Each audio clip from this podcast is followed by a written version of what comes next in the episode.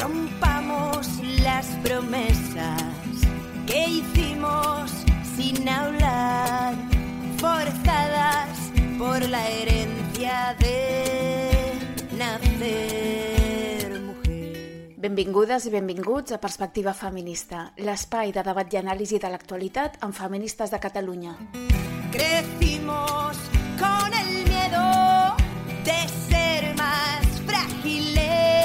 Per entendre la realitat que ens envolta i denunciar les desigualtats entre dones i homes. Somos, somos las nietas de las brujas que no, que no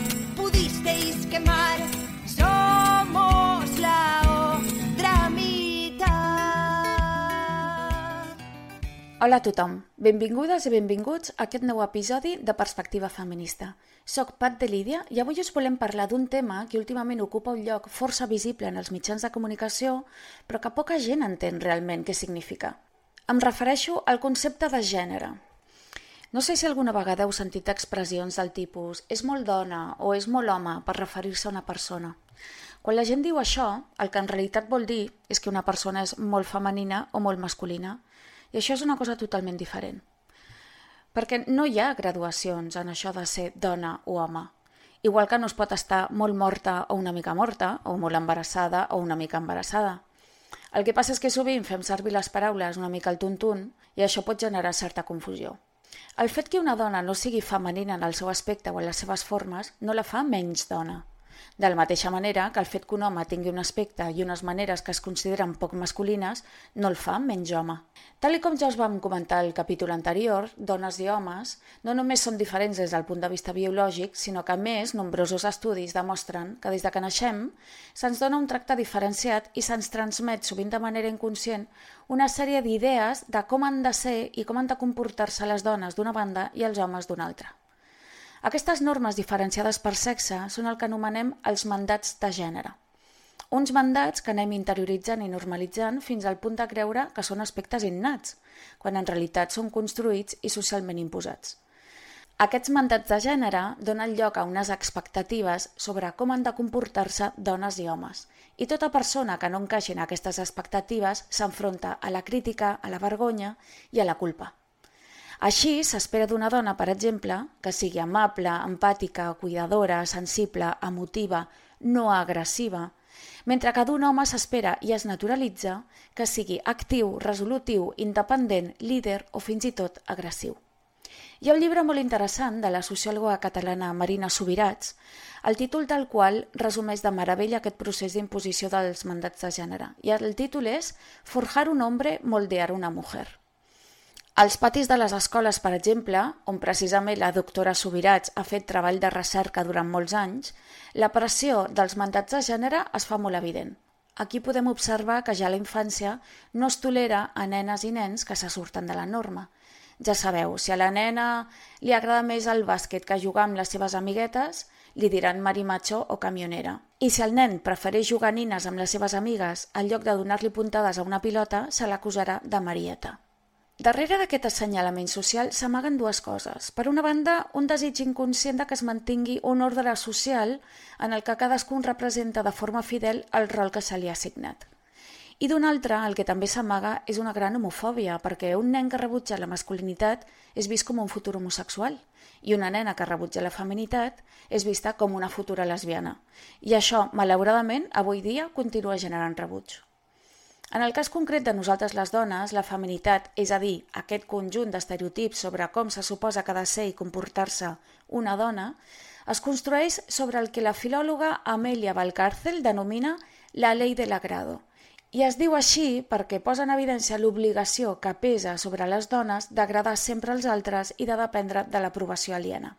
Aquesta llei de l'agrado es manifesta de forma molt clara en tres esferes de la nostra vida, la cura, la bellesa i l'amor. Així s'espera de nosaltres que cuidem els demés, que ens preocupem i ocupem de cuidar i preservar la nostra bellesa i, per descomptat, que siguem amables, amoroses i compassives amb tothom. És a dir, des de que naixem, totes les dones som educades i programades per cuidar, agradar i complaure. I això és una cosa que, com podeu deduir molt fàcilment, ens posa en situacions injustes i de clar desavantatge per nosaltres. en moltes més ocasions de les que voldríem admetre, fem el que no volem, consentim el que no desitgem, somriem a qui preferiríem girar-li la cara i callem per no ofendre, no incomodar o no provocar un conflicte.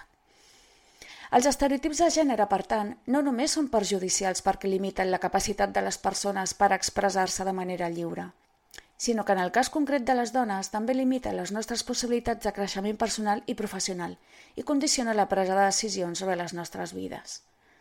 Perquè no oblidem una cosa fonamental. Aquesta repartició i imposició de rols de gènere ens situa les dones en una situació d'inferioritat i subordinació respecte als homes, per la qual cosa el seu manteniment és imprescindible per la supervivència del patriarcat.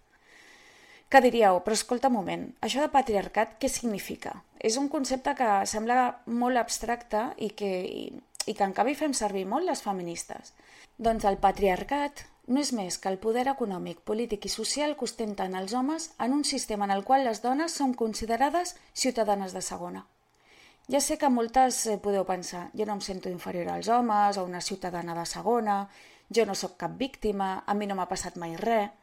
Però si obriu una mica el focus i penseu en les dones com qui pensa en una classe social, veureu que les dones, en absolutament tot el món, som les que ens dediquem a cuidar gratis, les que ocupem menys llocs importants o de poder, les que cobrem menys per la nostra feina, les que tenim feines més precaritzades, les que som explotades, comprades i llogades a la indústria del sexe i a la indústria reproductiva, i les que sempre ens veiem exposades a ser agredides sexualment o assassinades per homes i no només per estranys, sinó fins i tot pels homes del nostre entorn més proper.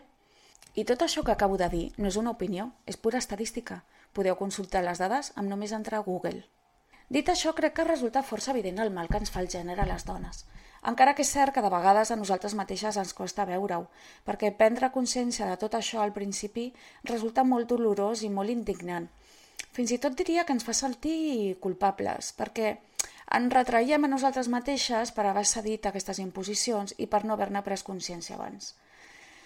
Per tot plegat, és important que diferenciem entre sexe i gènere, perquè no són sinònims, encara que sí són dues categories que estan directament relacionades.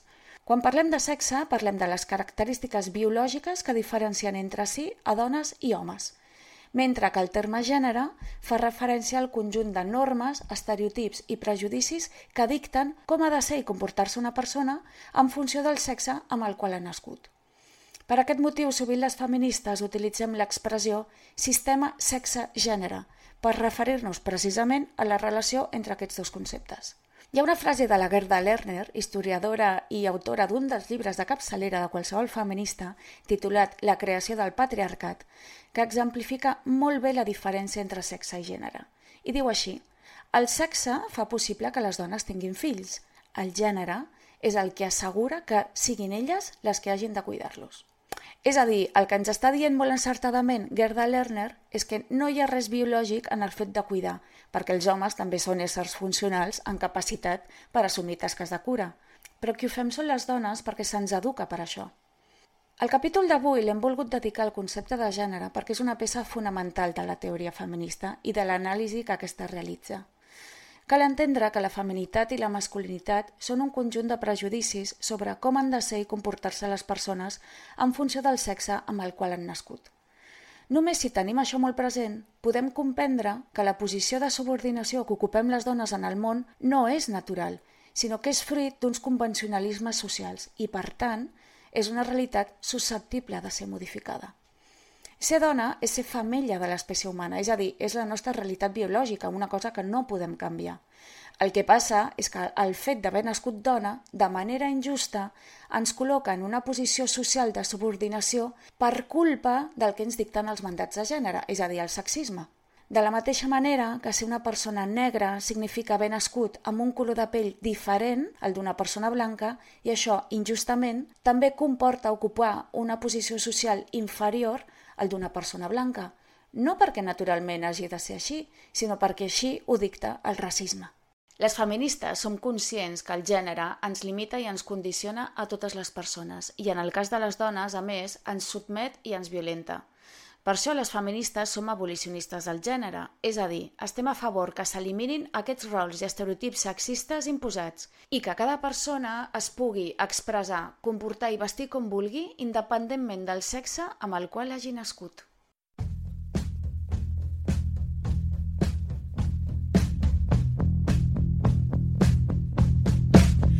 We argue kitchen about whether to have children, about the world ending in the scale of my ambition, and how much is art really worth.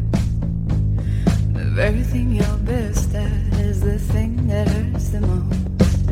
But you need your rotten heart, your dazzling pain like diamond rings. You need to go to war to find material to sing. I am a mother. I'm a bride, I'm I need my golden crown of sorrow,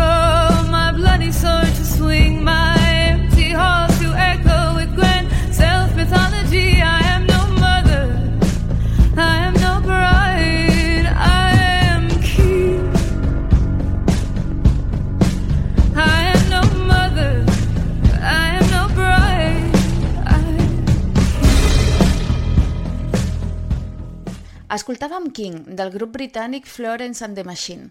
La lletra de la cançó se centra en el conflicte intern de Florence Welch, solista i compositora del grup, entre la carrera artística i formar una família. Es tracta d'un dels conflictes que les expectatives de gènere, és a dir, que la feminitat ens planteja a les dones que hem de triar entre formar una família i les nostres carreres professionals o la nostra simple individualitat. Per això, Welch repetia a la tornada «No sóc mare, no sóc núvia, sóc rei».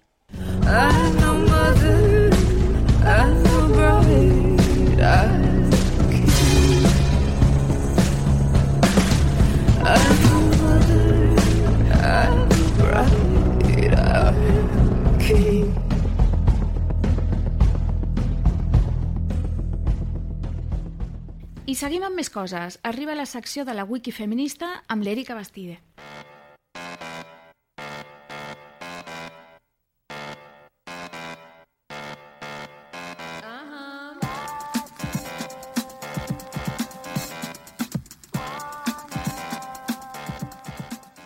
Això és la Wiki Feminista, jo sóc Erika Bastide i avui parlem sobre el gènere.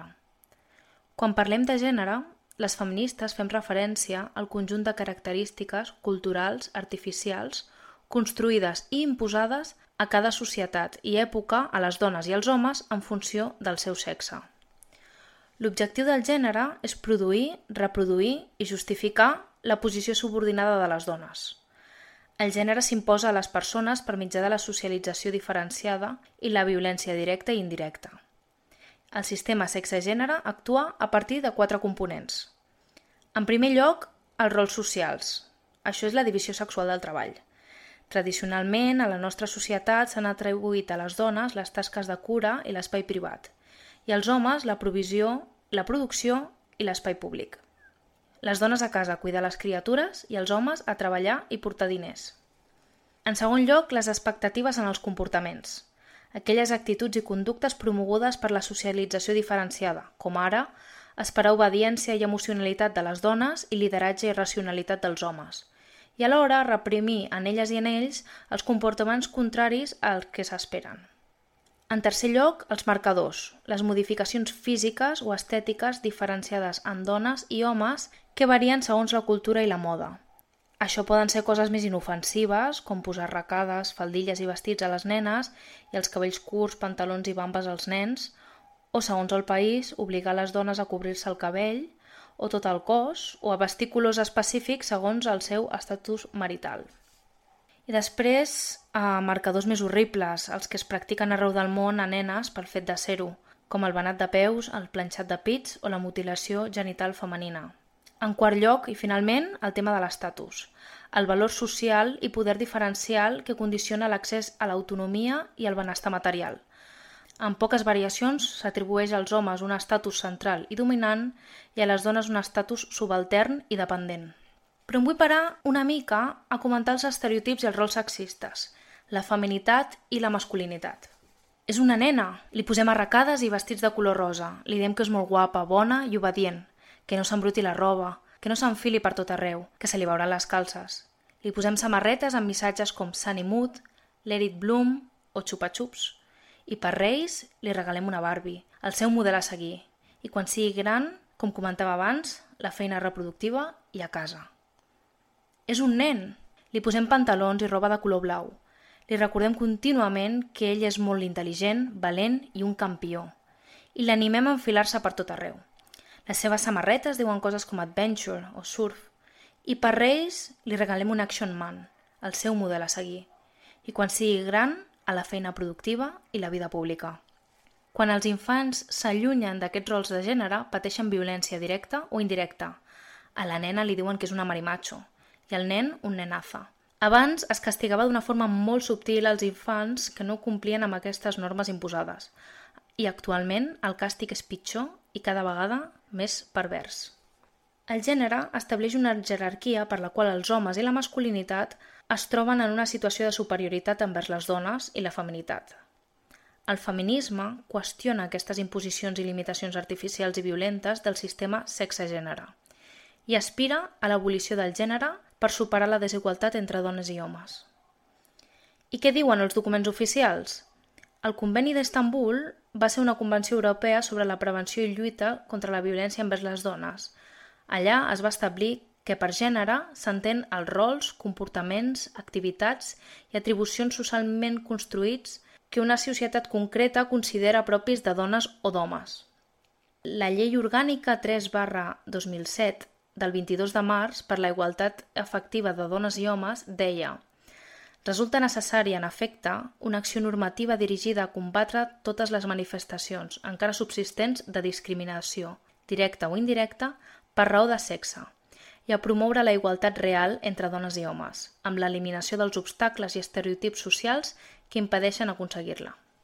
L'any 1963 es va publicar l'assaig titulat La mística de la feminitat, de Betty Friedan, un extens i ardu treball de recerca en el qual es va exposar, sense embuts, les implicacions i conseqüències del rol femení que s'imposava a la societat nord-americana en els anys posteriors a la Segona Guerra Mundial.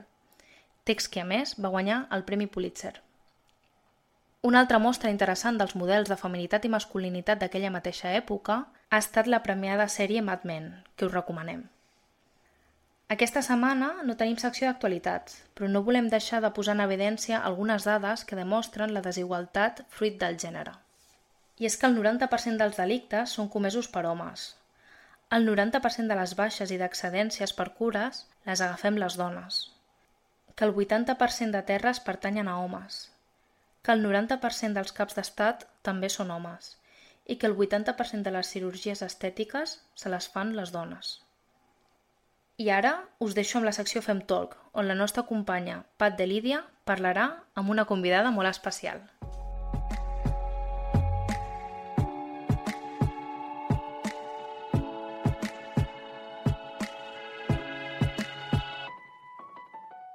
I a la nostra Fem Talk d'avui parlem amb Rosa Cobo Bedia, teòrica, investigadora i escriptora feminista.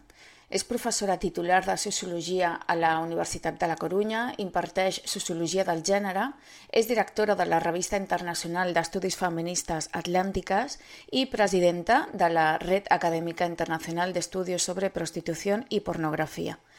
Rosa Cobo és doctora en Ciències Polítiques i Sociologia per la Universitat Complutense de Madrid, ha estat membre de l'equip assessor de la Unitat de Mujeres i Ciència del Ministeri d'Educació i Ciència de 2006 a 2008.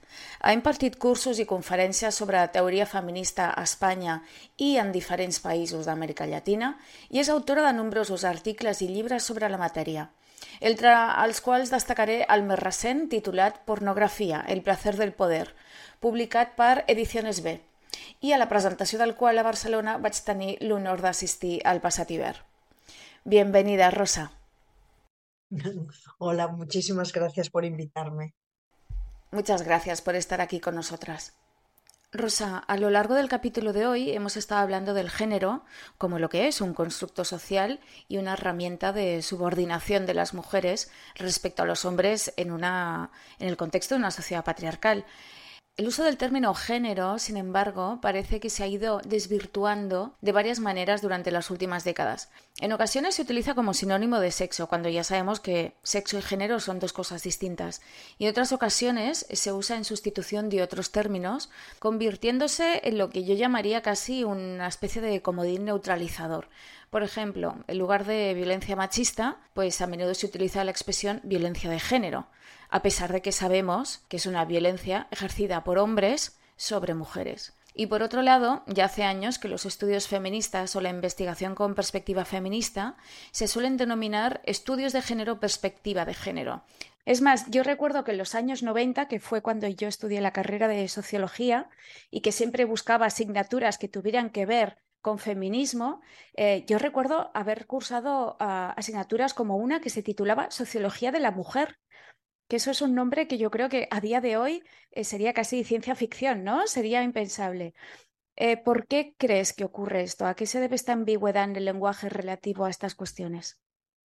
Bueno, quizá primero habría, en la medida de lo posible, que acercarnos a la categoría de género con cierta precisión y señalar que la categoría de género se va a conceptualizar en la década de los años 70 en el contexto del feminismo radical y se va a conceptualizar para dar respuesta a algo que mm, necesitaba el feminismo. Y es por qué las mujeres nos vemos obligadas, nos vemos persuadidas eh, en las sociedades patriarcales a comportarnos a pensar y a sentir de una manera diferente a cómo lo hacen los varones. Y cómo esa manera de pensar, de comportarnos y de sentir eh, es una manera mm, menos valorada que la manera de pensar, sentir y vivir que tienen los varones. Entonces, es importantísimo en este contexto distinguir lo que es el sexo de lo que es el género. El sexo es una realidad anatómica, es una realidad fisiológica y el género es una construcción cultural, es una construcción social, es una construcción histórica. Y para poder entenderlo mejor, yo creo que estaría muy bien citar a Mary Wollstonecraft, que en ella, que es Mary Wollstonecraft en realidad es el acta fundacional del feminismo, ella no tiene las herramientas conceptuales para poder entender la diferencia que hay entre el sexo y el género, y cuando habla presumiblemente de género, habla de una segunda naturaleza. Habla de una naturaleza social, es decir, eh, es un conjunto de presiones normativas, un conjunto de estereotipos, que nos obligan a construir algo que podemos denominar como la feminidad normativa.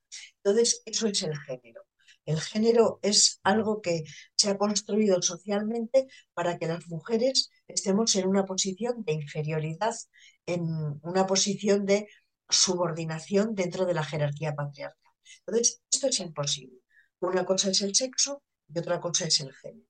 Ahora bien, dicho esto, aproximadamente en los años 80, en los años 80-90, aparece en las agencias eh, internacionales, en las agencias de cooperación, en los organismos internacionales, comienza a perder relevancia la categoría de feminismo a ser sustituida por la categoría de género. Y esta es lo que creo que podríamos denominar eh, la primera arremetida que va a sufrir el feminismo desde esta perspectiva. Es decir, eh, se trata de meter al feminismo en un armario y de sacar algo que es más presentable. Es más presentable hablar de desigualdad de género que de desigualdad patriarcal. Es más presentable hablar de un sistema de género que de un sistema patriarcal. Y esa será la primera arremetida. Y después va a venir una segunda. Y la segunda arremetida va a venir cuando la posición históricamente feminista respecto al género, que es que los géneros tienen que ser desactivados. Si el género es una estructura de poder, hay, como lo es la clase o como lo es la raza, hay que acabar con ella. pues eh, la segunda arremetida va a ser fundamentalmente desde la teoría queer, cuando no se va a proponer normativamente la necesidad de superar o de, más bien de desactivar eh, el género, sino que la alternativa va a ser la proliferación de los géneros, como una manera de romper el binarismo sexual. De lo que se trata fundamentalmente es de oscurecer la realidad de un sistema de dominación que es el sistema patriarcal y sustituirlo por una categoría que tiene menos carga política. Ese es el asunto. Entonces, si tú, em, cuando hablamos de feminismo, estamos hablando de opresión patriarcal. Cuando hablamos de género, hablamos solo de desigualdad. Y no es exactamente lo mismo. En la opresión patriarcal está incluida la desigualdad de género la desigualdad entre hombres y mujeres. Pero cuando hablamos de feminismo, lo que decimos es que esa desigualdad entre hombres y mujeres se inscribe en un sistema de dominio. Las feministas somos muy conscientes de que, de que este sistema sexo-género ¿no? sitúa a las mujeres en esta situación o posición de inferioridad y desventaja respecto a los varones.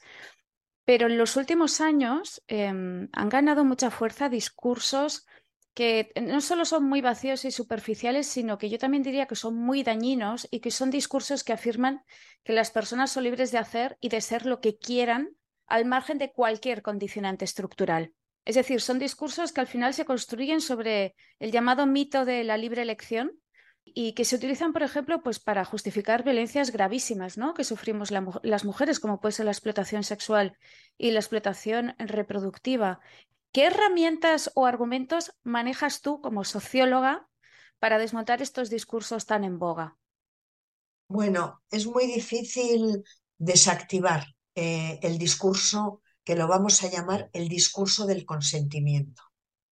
Es muy difícil desactivarlo porque el discurso del consentimiento es el discurso de la libertad individual. Eh, la idea de libertad individual habla de la libertad de los individuos independientemente de que ese individuo esté inscrito en un sistema de poder.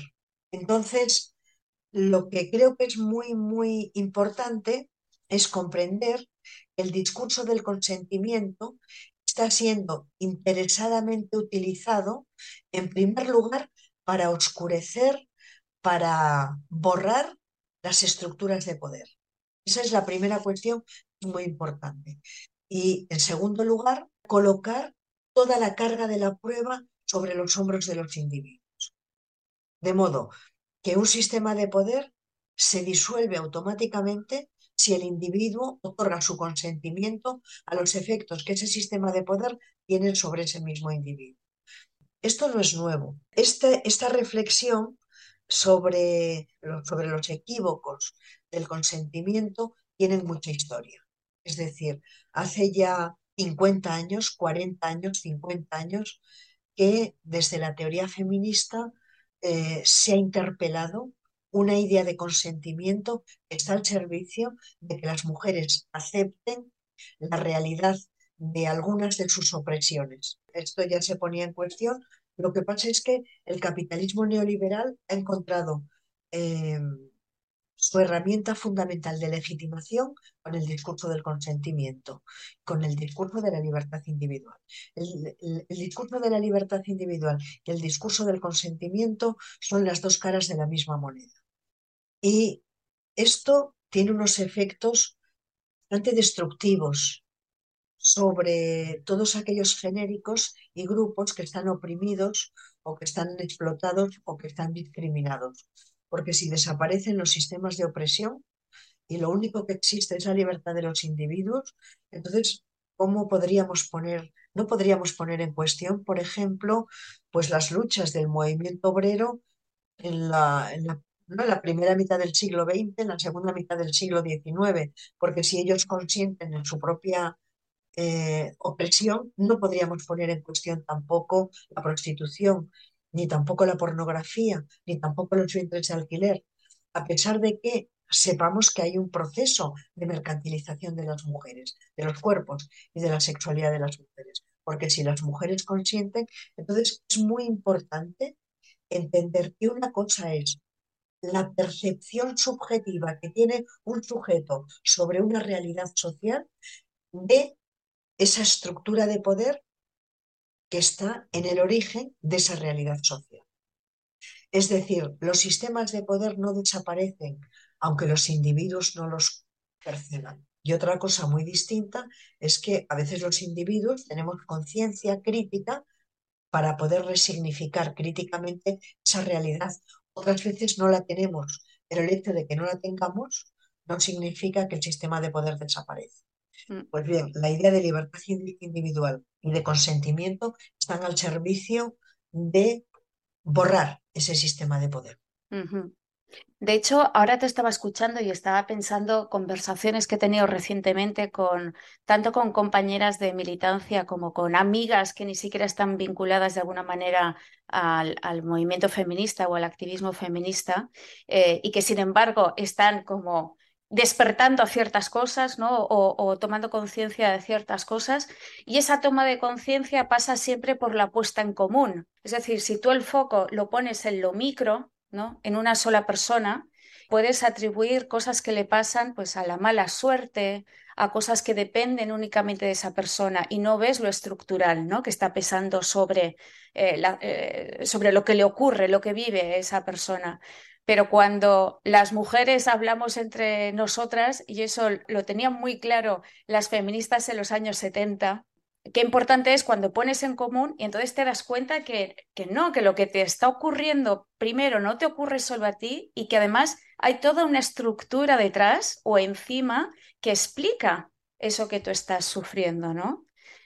Y es curioso cómo cala este discurso de tan individualista y tan centrado en lo micro, obviando totalmente lo macro, em, ¿cómo cala este discurso en la gente de a pie? ¿Cuántas veces mm, hemos discutido con personas de nuestro entorno que no tienen a lo mejor esa inquietud sensibilidad feminista ni ese ojo crítico e intentas eh, debatir con estas personas sobre la prostitución, la explotación sexual o la pornografía o, o la explotación reproductiva y te dicen, bueno, mientras sean dos adultos que están de acuerdo, pues no veo cuál es el problema. Y qué fácil es adoptar ese discurso, qué fácil ha calado y qué fácil es adoptarlo, incluso como para, es como para adormecer la propia conciencia social, ¿no? De alguna manera. Sí, ese, ese discurso ha calado porque hay muchas fuerzas sociales ocultas que lo refuerzan porque hay muchos intereses simbólicos y materiales que están muy interesados en sostener ese discurso, en sostener esta idea. ¿eh? Eh, que otra vez vuelve a ser la idea de que los sistemas de poder no existen, que lo fundamental no son las estructuras de poder, que lo fundamental son los individuos. Y es que hay algo que a mí me parece que es muy importante y es ver cómo el capitalismo neoliberal en una alianza francamente criminal eh, con el sistema patriarcal, está erosionando la idea del individuo como un sujeto de derechos y está reforzando la idea del individuo como un sujeto que tiene deseos. Entonces, uno, eh, los individuos no somos sujetos por los deseos que tengamos, que tenemos muchos, porque todos los individuos tenemos una red inabarcable de deseos. La noción de sujeto lo es por la cantidad de derechos que tienes y cómo esos derechos hacen posible que tú puedas eh, tener un proyecto de vida autónomo y no subordinado al del padre, al del marido, al del hermano, al de, al de quien sea, ¿no? Bueno, pues eh, en este momento histórico, la brutalidad que supone el capitalismo neoliberal es el que ha puesto en pie esta idea de los individuos como sujetos deseantes, no los individuos como sujetos de derechos. El sujeto de derechos eh, lo que hace es erosionar el sistema de poder. Y ese sujeto deseante, ese sujeto de, de deseos, lo que hace es poner en pie una enorme cantidad de deseos que pueden ser satisfechos pero no por todo el mundo igual. Quien tiene más recursos lo satisface mucho mejor que quien no tiene recursos. Eh, esta idea del individuo como sujeto de, de deseos nos coloca en el eje, en el corazón de la cultura de consumo y nos convierte a las mujeres en mercancías. Antes decías, eh, para que nos entienda bien quien nos está escuchando, antes decías que hay determinados, no sé si has usado el término poderes ocultos, que son los principales interesados en que la gente no tome conciencia de esas estructuras de poder. ¿De qué poderes ocultos estamos hablando para que la gente nos entienda? Estoy hablando de, eh, yo citaba eh, fuerzas sociales ocultas, Eso. fuerzas sociales no visibles. Bueno, me estoy refiriendo, por ejemplo, al sistema capitalista neoliberal. El sistema capitalista neoliberal quiere que eh, la gente asuma la idea de que los deseos forman parte de la propia, son inherentes a la propia naturaleza humana y no están inducidos desde esa cultura eh, imprescindible sobre, que sobre la que se asienta el capitalismo neoliberal. Esa sería una fuerza oculta. Hay otra que a las feministas nos interesa tanto como esa o más, que es el sistema patriarcal. Y el sistema patriarcal tiene un extraordinario interés en que la prostitución, la pornografía y los vientres de alquiler sean realidades no solamente legales, sino también legítimas. Para que sean reales y legítimas, no es conveniente la concepción de un individuo como sujeto de derechos, sino que es conveniente que haya un individuo como eh, sujeto, entre comillas, de deseos. Estas son algunas de las fuerzas sociales ocultas. Hay muchas más, porque después hay lobbies. Hay lobbies económicos, hay lobbies de poder masculino, eh, en fin. Una última cuestión, Rosa, que me gustaría que, que habláramos. Em, el género está tan profundamente anclado, ¿no? y normalizado que muchas veces cuesta, ¿no? desvincular ciertos comportamientos o roles o valores o actitudes del hecho de ser mujer o de ser hombre, hasta el punto de que muchas veces caemos en o se cae en esencialismos absurdos, ¿no? Eh, que defienden pues que que, estos atributos son innatos, ¿no? En lugar de, de, de, explicitar que son socialmente construidos. Por ejemplo, eh, defienden que las mujeres somos naturalmente cuidadoras, Naturalmente sensibles y amantes del color rosa, por decir algo. O que los hombres son naturalmente líderes violentos y amantes de colores más oscuros y serios, por decir, ¿no? El negro, el gris, no sé, el azul. Además, también sabemos que todo lo asociado a lo femenino, y es una cosa que tú has dicho al principio, todo lo asociado al sexo femenino, sea lo que sea, tiende a percibirse como inferior. De hecho, el otro día hablaba con una, con una buena amiga, que ella es médica, y me decía, desde que la medicina ha dejado de ser territorio exclusivo de los hombres, se ha desprestigiado y las condiciones de trabajo son peores y nos pagan peor, ¿no? Ahora que somos más mujeres trabajando en, en la sanidad. Eh, ¿Cómo crees que podríamos desmontar estos esencialismos? ¿Cómo, ¿Cómo, se puede romper esta, con esta idea de que hay cosas de mujeres y cosas de hombres?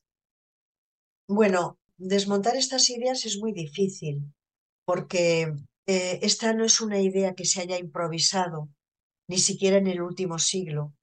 Es que Aristóteles, es que la escolástica, es que la patrística, es que la propia filosofía ilustrada, como fue el caso de, no sé, de Kant o como fue el caso de Rousseau, eh, es que el romanticismo, es que el psicoanálisis, todos son eh, perspectivas teóricas que han partido del supuesto de que hombres y mujeres tenemos naturalezas que son distintas y esas naturalezas distintas no son, no son entendidas como construcciones culturales, sino que son entendidas como naturalezas esenciales, ¿no?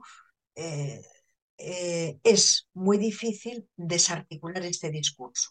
Este discurso, quien mejor lo, des, lo ha desarticulado ha sido, históricamente, ha sido el feminismo porque el feminismo va a constituirse como un discurso y como una práctica política con el objetivo de desactivar esta estructura de poder que el propio feminismo ha conceptualizado con la categoría de género.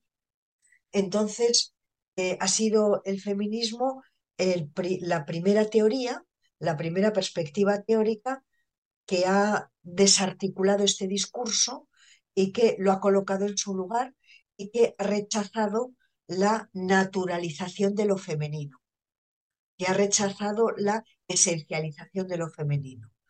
Entonces, eh, ¿cómo podemos hacerlo? Pues como lo hemos hecho, porque la verdad es que eh, para desarticular sistemas de poder no hay varitas mágicas. Para desarticular sistemas de poder no hay milagros.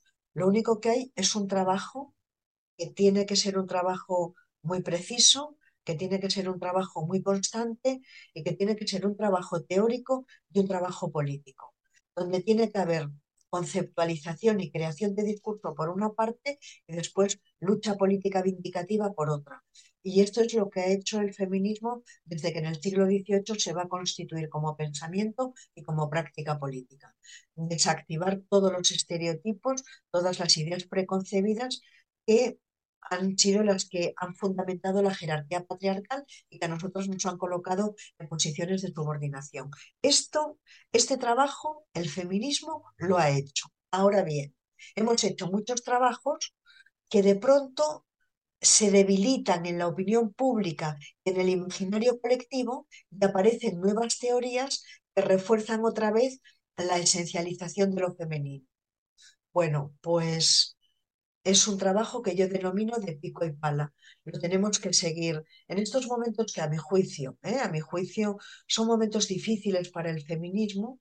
Yo creo que hay algo, sin embargo, que no es difícil. Hay algo que eh, lo tenemos abierto y es formarnos y es crear un discurso fuerte y es eh, crear un discurso fuerte sobre el cual puedan asentarse las nuevas generaciones de mujeres que van a ser las que van a, ser eh, las eh, protagonistas ¿no? del movimiento feminista en nada de tiempo. Yo te estaba escuchando, claro, una cuando reflexiona sobre estas cuestiones a veces pasa como de la depresión o el bajón o el pesimismo a momentos súbitos de optimismo, ¿no? De, bueno, lo vamos a lograr con ese trabajo de pico y pala. Pero como decías hace un momento, lo fundamental, el, el primer paso es conceptualizar bien, porque si no conceptualizamos bien, mal vamos, ¿no? Entonces hay, por un lado, el tema de conceptualizar bien y por otro, el tema de la formación, de seguir formándonos. Pero claro, luego hay para mí un tercer paso, que es el del construir un relato que eh, no solo resulte atractivo, sino que convenza, porque, o sea, precisamente a lo que nos estamos enfrentando a día de hoy es a unos relatos que se dicen feministas, pero que carecen de, esa, de ese bagaje teórico y de ese casi me atrevería a decir sentido común, ¿no? Em, ¿cómo, ¿Cómo construir ese relato atractivo y que convenza? Porque ahora parece ser que el, el, feminismo con mayúsculas, eh, a mí me han llegado a decir que es un, que es un dogma, ¿no? Y que somos unas anticuadas. Entonces, claro, ante eso es realmente muy frustrante decirle a otra persona, no, pero es que primero tienes que leer a las clásicas, es que hay una genealogía, hay, hay, un, hay un corpus teórico detrás de todo esto. No es, yo soy feminista, así porque sí. Vamos a ver, tenemos que comprender que eh, el feminismo apunta directamente al corazón del sistema patriarcal, pero también al corazón del sistema capitalista neoliberal. Por eso el, feminismo es fuertemente emancipador, eh, por eso tiene una dimensión fuertemente crítica. Entonces, no podemos esperar que nadie nos reciba con los brazos abiertos. Mm. Es decir, el feminismo no es un tipo de pensamiento ni es un tipo de práctica política amable, eh, cariñoso, divertido y que responde a la filosofía de los abrazos. El feminismo es, como decía Celia Morós, es conceptualización, eh, conceptualizar bien es politizar bien y es politizar, es decir, es lucha política, es vindicación política. Eh, ahora, a mí me preocupa mucho eso que decías de, eh, fíjate bien, si cualquier cosa es feminismo, nada es feminismo. Exacto. Este es el problema. Ese es el problema. Si, si resulta que tenemos una mayoría que es feminista en el Congreso o en el gobierno, es que el feminismo como movimiento social y como tradición intelectual está de sobra. ¿Para qué vamos a hacer nada si ya tenemos una mayoría feminista? No.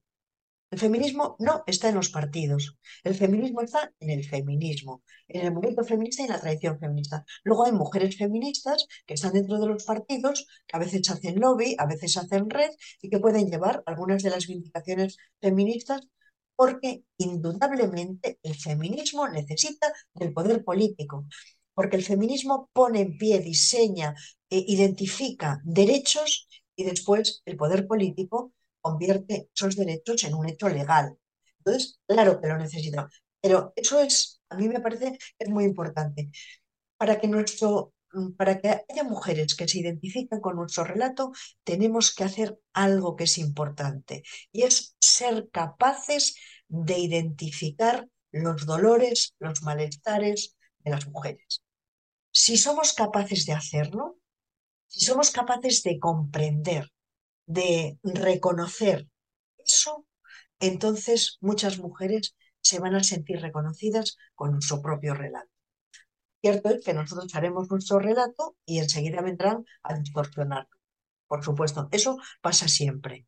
Pero a pesar de que ha pasado siempre, desde que hay feminismo han pasado más de tres siglos y allá donde el feminismo se ha desarrollado, el mundo de derechos de las mujeres ha crecido. Entonces yo creo que no tenemos que abandonarlo.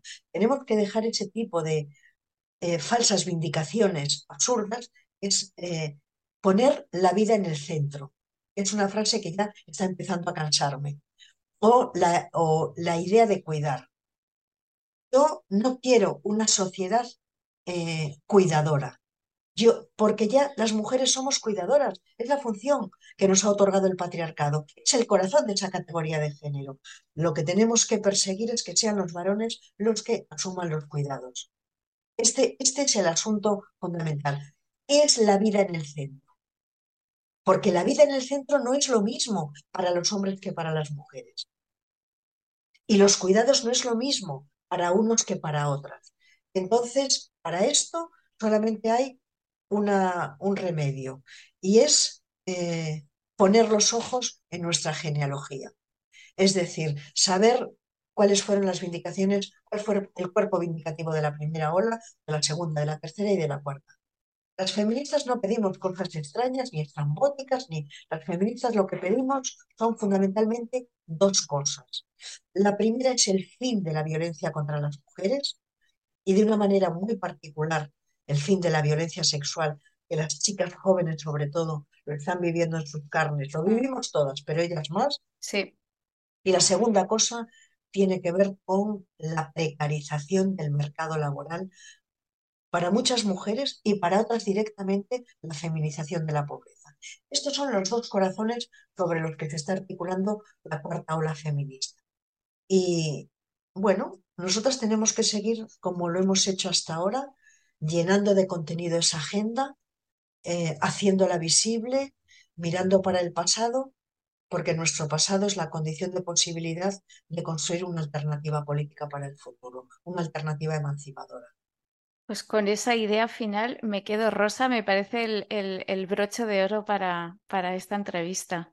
Ha sido un verdadero placer. Muchísimas gracias por tu tiempo y por toda tu sabiduría, por compartirla con nosotras. Bueno, muchísimas gracias a ti, Patricia, y muchísimas gracias a feministas de Cataluña por ese inmensísimo trabajo que estáis haciendo, a veces en situaciones que bueno, que para las feministas nunca son situaciones fáciles. Así que gracias. Gracias a ti.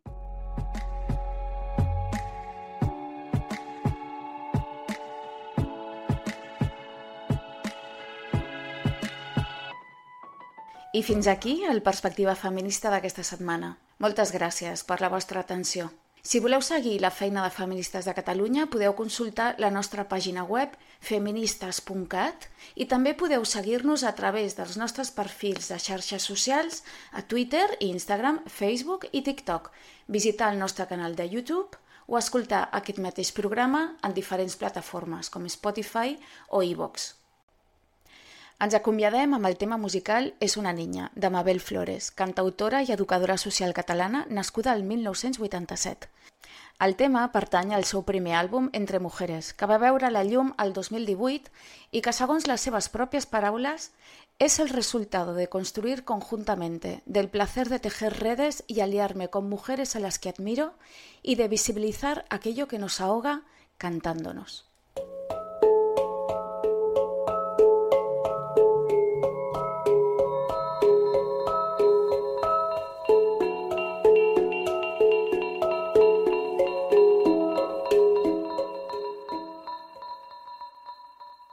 Todo empieza con un test anunciando nueva vida, que prevén será una niña y en un acto sexista, solo por tener vagina, acotarán así tu ser.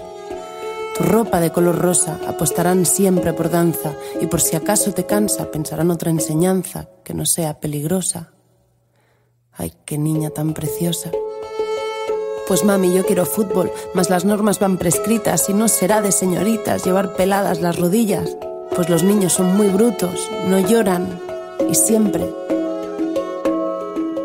siempre juegan duro. Cocinitas, princesitas, barbiquén, las barriguitas, los nenucos, las revistas, maquillaje, mil cremitas, hoy será noche de chicas o de víctimas pasivas. Y ya eres quinceañera, te han crecido las tetas, ¿no resaltas tu belleza? Ahora que aún eres joven, ponte unos buenos tacones, que los años pronto pesan y antes del bachillerato te habrán llamado zorra por pillarte una cogorza y pasar una noche loca con un baboso aprovechado que abusó de ti y te metió mano. Y en historia no hay mujeres, la escribieron los señores, y vigila por las noches que andan sueltos muchos hombres, para ellos los placeres y para todas nosotras los dolores que el lenguaje es importante y todos no están precisos. Si os la apoya es positivo, si es coñazo es negativo. Para combatir a un patriarcado con sed de sangre, compañeras, nunca es tarde. Y a los 20 siempre guapa. Depílate bien las cejas, es mejor la caribeña. Push up para tu pechera. Súbete la falda, pon la espalda recta, baja la cabeza, sonríe un rato. No te quejes tanto. Ni pienses ni hables demasiado. Y van pasando los abriles y el piso empieza a estar sucio. Los niños son mal hablados, tu cabello es descuidado. Como no te da vergüenza? Es que ya me he cansado. ¿Por qué no? No soy una de esas princesas, frágil, callada y coqueta, que sonríe a la cámara mientras sueña con ser la primera. Soy valiente, fuerte y descarada, también bohemia y aventurera. Independiente en mi camino soy y simple como flor en primavera. Luchadora por derechos siempre, protagonista en mi vida entera. Mi belleza no es para el consumo, sabias y brujas son mis compañeras. Moriré poeta y cantaora, así atraganto mis asperezas. Despeinada ando abrazando al viento y depresión estética ando suelta. No dejé de fumar, no supe cuidarme, ni seguir protocolos, ni comportarme. Alzaré el puño y seré viajera de mentes libres y de almas despiertas.